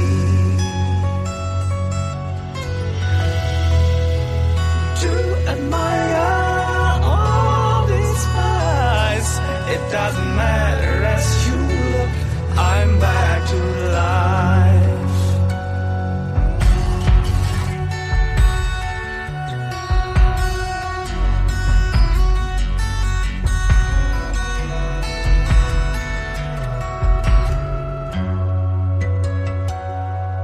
Eh, jo, men eh, socialtjänsten får ju mycket skit generellt sett, men mig hjälpte de eh, jätte, alltså superbra verkligen. Och jag tror att en anledning till det var att jag inte kom in och liksom la fram en liten del av mitt, mina problem. Utan jag bara vräkte ur mig. Bara, det är skit, jag behöver hjälp, jag mår skit, jag vill dö, eh, jag har ingenstans att bo. Help me liksom. Och eh, jag tror det tog liksom ja, max en vecka innan de hade fixat ett sån här boende i anslutning till någon form av eh, boendestödjare. Um, och det tog två timmar innan de hade fixat en tid hos psykolog. Så, där, så att jag, jag fick svinbra hjälp där faktiskt. Um, första psykologen hette Cornelia. Eh, och det var någonting där med att liksom sätta sig ner och för första gången få börja prata, berätta, sortera tankarna. Som gjorde liksom att, att eh, ja, men det var extremt värdefullt verkligen. Jag blev väldigt fäst vid Cornelia, inte på något annat sätt än, än i en eh, personlig, eh, professionell relation såklart. Men jag tror, jag tror hon var lite mer frustrerad för att hon, hon var egentligen KBT-terapeut och de ville så här, jobba med vardagsrutiner.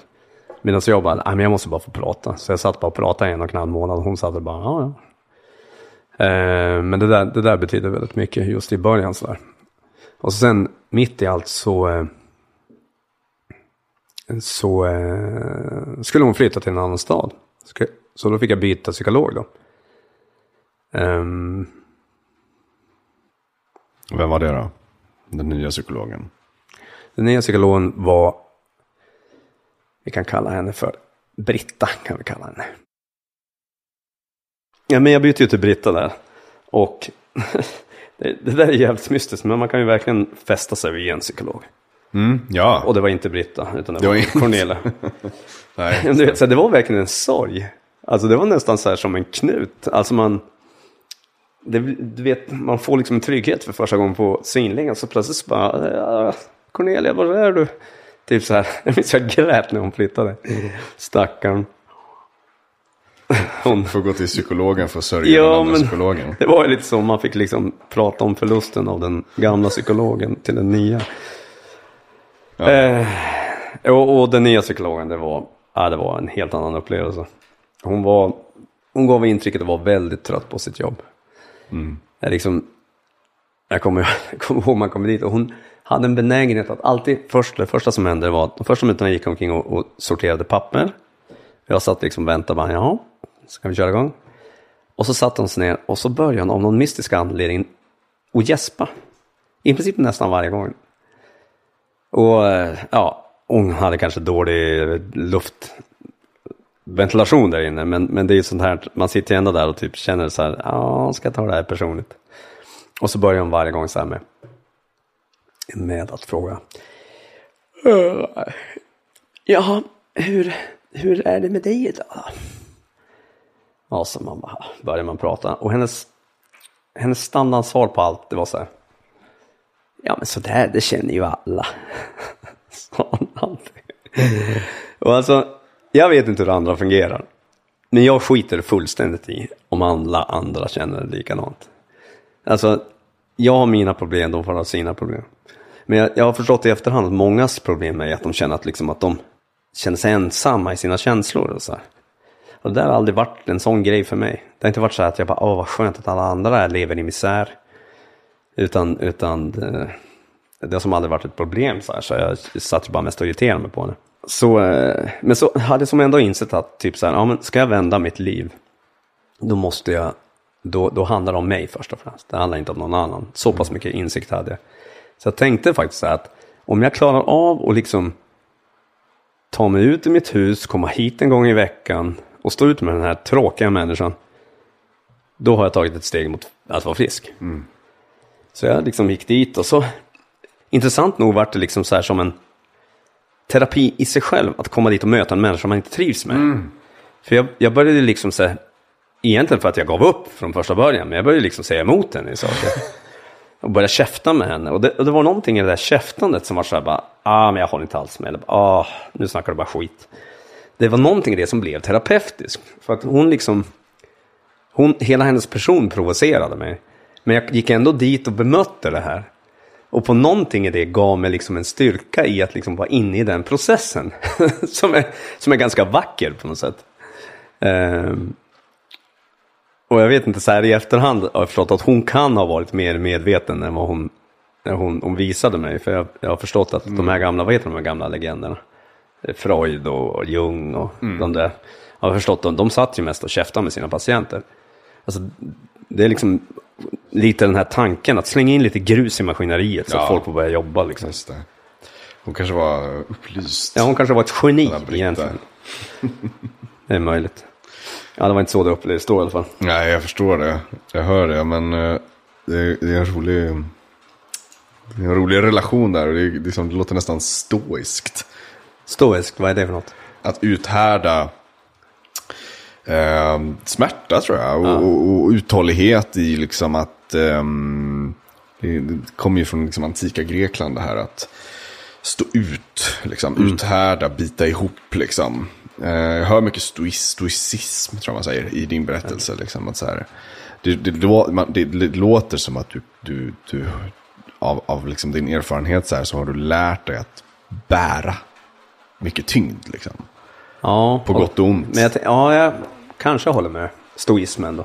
Om det är så den eh, idén är. Det är någon, det, det, jag tror att det är en klassisk grej, liksom så här, typ att, att, att utsättas, träna sig i att stå ut i jobbiga situationer. Ja, liksom. Men jag tänker mer det, det här att, att, att, att det gäller att, han- att liksom gå in i det och bejaka det. Så att man lär sig Mm. hantera det. Och där finns det en frihet. Liksom. Och, det, och det, ja det var verkligen så. Mm. Um, sen var det också det, eh, psykologen, den förra psykologen då, eh, Cornelia, som jag blev så fäst vid. Hon eh, berättade att jag kunde få något som heter boendestöd. Och jag visste inte vad det var, men hon förklarade, ja men det är typ som, det är inte, hem, det är inte liksom hemtjänst eller hemhjälp, men de kommer hem och ja, bara finns där med dig och hjälper dig med de behov du har. Så jag bara, ja men vi kör på det. Så att eh, jag sa ja till det där boendestödet då. Och det var också en sån här process som liksom, jag är stolt över mig själv i efterhand, för jag utsatte mig själv för sådana här situationer som jag i efterhand förstått liksom gjorde mig stark. Alltså utsätta mig för sånt som är skamligt, till exempel, eller skambelagt. Till exempel att, jag kommer ihåg första mötet vi hade med socialtjänsten Eh, och boendestödjarna. Det var liksom någon från socialtjänsten, någon, några boendestödjare, jag vet inte om psykologen var med också. Eh, och så sitter man där, det är jag och liksom fyra andra vuxna. Sitter man där, man, jag var väl 34 kanske. Här. Med allt av liksom skam och känsla av misslyckande så sitter de här fem personerna, skattebetalda, runt mig och ska ta hand om mig. Alltså känslan av misslyckande är så jävla stark. Och det var ju samma sak där, man, jag bröt ju bara ihop liksom mitt framför dem. Men att liksom gå igenom det här och utsätta sig själv för det här och inse att ja, men jag behöver hjälp så jag måste ta emot hjälp. Det är, ehm, det finns en extrem kraft i det. Att kunna gå igenom det. Och eh, boendestödet blev, det är bland det bästa som har hänt mig. Mm. Um, så de kom hem, den första som kom hem var en kille som heter Jonathan. En kille som heter Louise var det också. Mm. Louis. Han var från eh, Chile var han. Ja, han var, han var jävligt rolig. Han var så här, han var så ex, han satte sån extrem stolthet i sitt jobb. Så han liksom gick som nästan in i givakt så här varje gång han skulle komma in. Och så sa han mitt namn varje mening. God morgon Jonas. Hur mår du idag Jonas?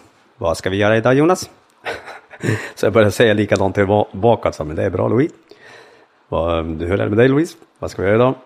Och det var som en sån här, samtidigt som han var jättesnäll och liksom, eh, ja, det varit en verkligt, det varit eh, väldigt speciella relationer.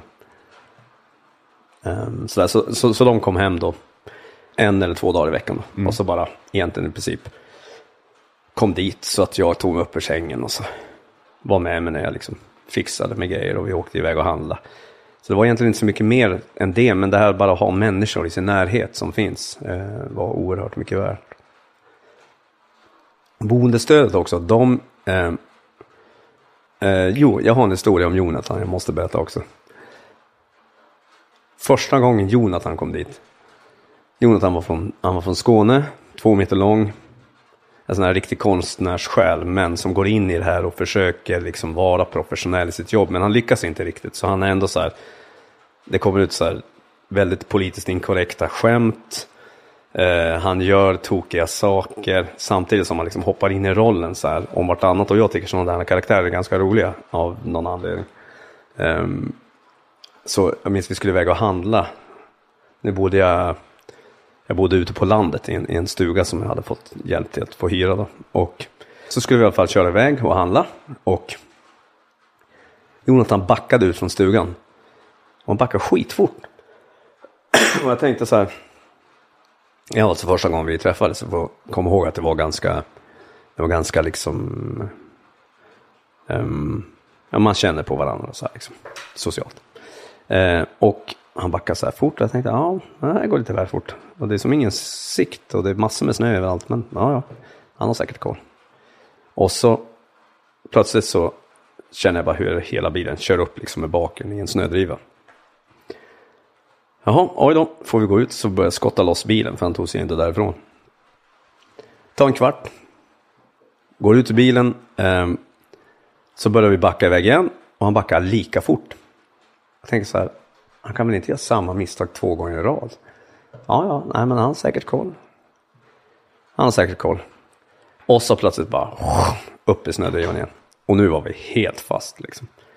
Så resten av boendestödet, två timmar framåt så fick vi stå och skotta snö. Och det var här någonstans som vi liksom släppte alla fasader, barriärer. För då, han skämdes ju svinmycket över det här. Och, och så liksom gick man omkring och sa Åh, det här är så pinsamt. Jag skäms, jag skäms. Och så, så plötsligt så här, för vi hade gått igenom den här eh, behovsbeskrivningen som vi tillsammans hade gjort. Ja, men det här har jag behov av, det här har jag behov av, det här ska vi göra. Så säger han så här, plötsligt mitt i snöskottningen efter en timme bara. "Eh, Känner du att det här är något du har behov av? Och jag bara lägger mig ner och vrider i skratt. Vrid, alltså det var, och det där var liksom början på vår relation. Så att vi, vi blev ju liksom vänner samtidigt som han var i någon slags professionell roll. Och det där betyder oerhört mycket. Bara att ha någon som kommer hem, hjälper en med det praktiska. Och på något sätt börjar man liksom se att det finns ett liv där man kan vakna och gå ut genom dörren. Eh, utan att man bara liksom, utan att det, man bara möter tomhet.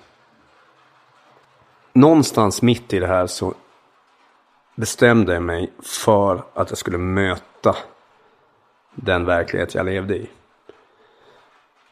Alltså möta smärtan, möta känslorna, möta historien, sluta fly. Tvångstankarna hade ju varit en, en flykt. Det var en drog. Det var ju, det var liksom, vad heter det, känslodämpning av något slag. Precis som vilken drog som helst.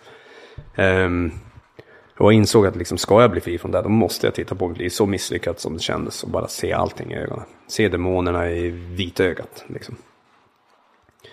Bildligt talat. Um, så jag började, istället för liksom, när jag fick jobbiga känslor in med, istället för att börja fly in i tvångstankar, tvångsritualer, flyktbeteenden. Så uh, började jag liksom bara försöka vara där i nuet och, och liksom se det som det är. Hade jag någonting jag kände det här skulle jag vilja förändra så ta ett steg närmare. Även om det är ett mikroskopiskt steg. Men hela tiden utmana mig själv i smärtor. Liksom. Titta på rummet och se, det ser ju för jävligt ut. Så är det, okej. Det, det är så här det ser ut. Titta på mig själv. Det är kaos. Um, och den där, det där skapade på något sätt någon slags, när man sen får en liten belöning av det, när man märker att det blir förändring, så skapar det där en vilja i mig, en nitiskhet att alltid söka ärlighet, söka sanning. Um, och det var ju då samtidigt som jag tagit emot boendestödet, jag hade börjat gå till psykolog. Och eh, det är väl det jag kan se så här som liksom verkligen började på något sätt vända över situationen. Egentligen den här, den här desperationen. Ja, antingen dör jag olycklig, för jag vet jag kommer att dö olycklig. Eller så vänder jag det här, punkt slut. Så det var som att jag bestämde mig, jag ska bli lycklig, kosta vad det kosta vill. Jag minns jag skrev upp en, jag skrev, skrev upp en sån här att göra-lista på, på eh, kylskåpet. Eh, en sån här post-it-lapp. Det var så här vanliga vardagssaker som, det var någon skor jag hade lånat av någon jag skulle lämna tillbaka. Det var någon, eh, det går ut med soporna, vad som helst. Och så skrev jag så här, bli lycklig, skrev jag slut. Och jag lyckades liksom beta av allt det där. Men inte bli lycklig, det fick stå kvar. Den där ska hänga kvar tills jag är lycklig, tills jag kan stryka över där. Um, ehm, och den där lappen, den hängde där i flera år. Och det var som att det var en sån här påminnelse om att bara se till att jobba med det själv. Kosta vad det kosta vill. Jag visste inte ens vad svaret var. Det var bara, jag ska dit liksom. Och mitt i allt det här så fick jag reda på att jag kunde också få hjälp med eh, eh, stöd till träning. Eh, att man kunde få hjälp med ett gymkort då. Och, och gymma det var något jag hade velat väldigt, väldigt länge. Mycket eh, tror jag för att liksom farsan var fotbollsspelare och man växte som upp med en sån här ett ideal, en norm om att man ska vara vältränad. Det är liksom, man ska vara fysiskt atletisk, man ska vara i form. Vilket jag tror också räddade mig från att kanske söka andra typer av droger, kemikalier. Eh, för att, för att fly från verkligheten. Eh, för jag tänkte hela tiden att ah, men jag vill vara fräsch i kropp och själ. Liksom, eller i kropp i alla fall. Um, så jag började träna där på ett litet gym. Eh, privatägt gym bredvid där jag bodde. Där det, som drevs av en kvinna som heter Yvonne.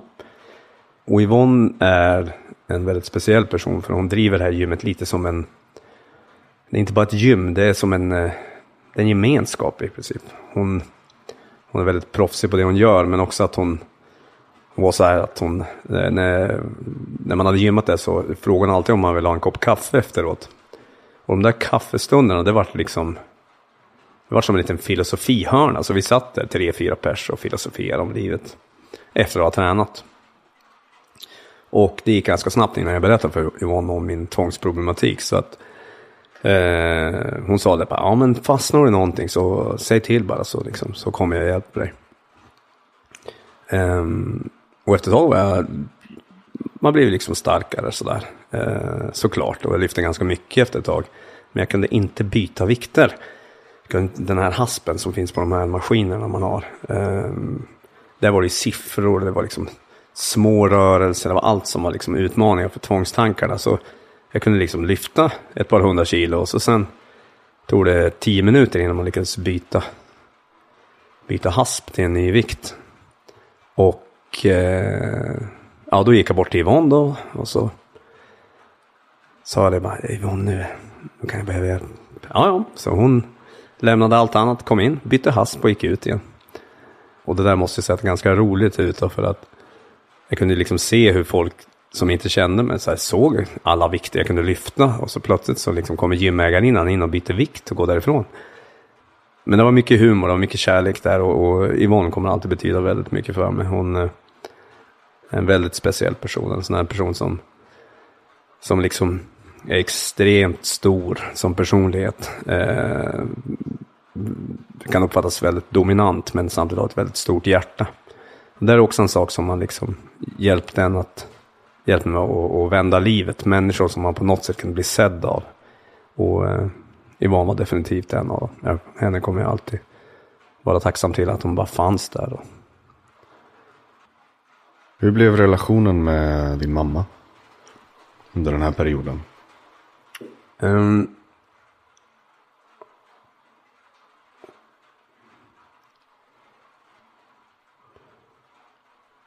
Jag tror att jag först faktiskt vill berätta lite grann om, om relationen till Gud. För eh, den var också avgörande för att jag kunde förlåta min mor. Mm. Um, för någonstans här så kände jag också att, att den här grundläggande meningen med livet som jag hade saknat. Um, jag kände att det var så pass viktigt att liksom titta om det fanns något hopp runt den här guden jag hoppas någonstans fanns. Eh, som kanske var god, som riktigt säger. Så jag började försöka utmana mig själv med att läsa Bibeln. Mm. Be och, och jag minns i början när jag tog upp Bibeln. De första gångerna bara slängde jag den i väggen. jag, jag var så jävla arg. Jag var bara arg på Gud. Eh, och jag hittar bara skit liksom. Man brukar ju kalla det så här att, att läsa någonting som, som fan läser Bibeln. Det finns ett uttryck som är mm. liksom att tolka någon som, som Hinhåle läser Bibeln. Ja, det var väl typ så jag läste den tror jag. Från början. Men det var, det var som att liksom efterhand så, så började jag liksom se igenom att ja, okej, okay, det, Gud kanske inte var så jävla dålig som jag trodde. Um, jag började be och hitta några vänner som var troende också. Sådär, och det där gjorde ganska mycket för att, ja, jag vet inte hur andra är, men för mig så har jag alltid haft en längtan efter att på något sätt få kontakt med den här djupare meningen i livet. Um, sen vad olika människor tycker att det är, det råder ju uppenbarligen skilda åsikter om. Men för mig så var det där att bara prata med vad som kanske fortfarande kändes som en avlägsen skapare till universum. Det, det gjorde väldigt mycket. Mm. Och mitt i allt det där var det också så att min mor under de här åren, som jag liksom, under alla de här åren så hade jag i princip inte haft någon kontakt med henne. Eh, och det är egentligen så här så att det har aldrig varit så att, eh, jag pratar väldigt fritt nu. Ja. Varsågod. Eh, egentligen har det aldrig varit så att jag liksom tvivlat på att min mor på något sätt någonstans inne älskar mig. Så var det ju även under åren när det var kaos. Mm. Eh, och det var kanske det som också gjorde att det, att, eh, att det blev jobbigt. För jag, jag, jag såg vad hon gjorde mot mig. Men visste att här finns det någonstans ändå någon slags omtanke någonstans. Mm. Och det är ju en sak, liksom när, när man göra med en person som man vet försöker skada en. Och det finns ingen kärlek. Då kan man bara vända sig mot den personen och gå. Det är mycket, mycket enklare. Men när man vet att det är någon som kanske någonstans bryr sig om en och samtidigt behandlar en illa. Så blir det fruktansvärt utmanande för man slits liksom mellan det här som skadar och det man vill ha. Och under de här åren när jag liksom var borta från min mor så, så började hon bli väldigt försiktig i, i hur hon agerade runt mig och med mig. Och hon försökte verkligen liksom på något sätt få en kontakt igen. Eh, Var det någonting som liksom hände som påminde om uppväxten så, så kunde hon faktiskt be om förlåtelse. Hon kunde liksom, ja men sorry, jag, jag menade det inte så. Eller bara, ja, jag... Vad var det som fick henne att göra det tror du? Jag vet, inte, vi hade ett samtal en gång faktiskt där hon, jag sa till henne där att jag tyckte att hon var så annorlunda. Eh, och jag minns att jag trodde det var för att mina föräldrar skilde sig där någonstans i 20-25 års åldern. Och jag tänkte att det hade med det att göra, att det var liksom för henne ett sätt att, att ta ansvar för sina handlingar. På ett annat sätt än att bara, jag vet inte, gömma sig bakom farsan eller förvänta sig att han skulle göra någonting i, i, vad nu det skulle vara. Eh, men då sa hon bara, ah, nej men det är, det är din och min relation som har, som har fått mig att tänka efter. Så jag gissar att det har liksom, såklart någonting med saken att göra. Ehm, hon kunde liksom börja säga sådana där saker som gjorde det lättare för mig att få, få frid med vår, relation, med vår historia. Jag sa någon gång så här, liksom bara ur tomma luften sa han så här att ehm, Ja, jag har ju inte varit psykologisk, sa hon. Och även om det är liksom kanske inte ett erkännande för hur illa jag då som barn upplevde det hela så är det ändå så att det på något sätt kunde få mig att se, okej, tack, jag, jag kan få något slags erkännande över, över, över, det, över det jag upplevde på något sätt. Eh, så det var liksom så här successivt, att jag började må bättre, träningen gav mig väldigt, väldigt mycket. Började få rutiner, hopp, blev vältränad, eh, började få mer livslust, jag hittade någon slags relation till en gud. Eh, hon började liksom, ja men hon kunde be om förlåtelse för vissa saker och på någonstans där så började jag liksom eh, kunna förlåta. Och jag var ju fortfarande så här så att vår, vår relation var väldigt, väldigt skör. Men jag minns jag stod framför henne en gång och ehm, så fick jag tics. Och i mitt reflexsystem sa att nu kommer hon att fräsa eller slå ner på mina tics eller slänga ur sig något förnedrande. Men det är liksom som att jag har kommit till en punkt att jag ändå kunde prova vår relation. Så det var nästan som att jag släppte ur det. Och det kan ju vara så där för ett barn ibland att man, småbarn kan ju vara så nästan ibland att de nästan prövar en omgivning. Stannar du kvar vid min sida om jag gör så här? Eller lämnar du mig? Och det, var, det var lite av den känslan jag hade nästan när jag släppte ut tixen. Och så förvänt, står man där beredd på ett bildligt kokstryk liksom. Och så minns jag att mamma bara log. Så sträckte hon ut handen. La den på min kind. Och när jag gick därifrån. Då grät jag glädjetårar. Jag grät tårar av sorg. Jag grät tårar av befrielse, av smärta. Den där handen, den hade jag längtat efter under hela min jävla uppväxt. Um, och någonstans där så började liksom vår relation läkas och helas. Och, och jag, tror, jag tror aldrig någonsin någon kommer fatta liksom såklart hur, hur jag upplevde um, henne under den där tiden. Jag tror inte, för jag tror inte folk förstår sånt. Många, de fattar liksom inte riktigt hur de kan uppfattas, utan de, de lever i sin egen ångest och sin egen oro. Och, och morsan har alltid haft en, en typ av oro, och stress och ångestproblematik sådär som, som hon liksom ger, gav utlopp för. Men jag fattar ju liksom att, jag förstod ju att, um, så hon kommer, hon kommer nog aldrig fatta det, men hon har fattat vissa saker och det har ju gjort att man kan börja förlåta Så något så idag har vi en ganska, faktiskt någon form av liksom tid där vi tar igen förlorade år.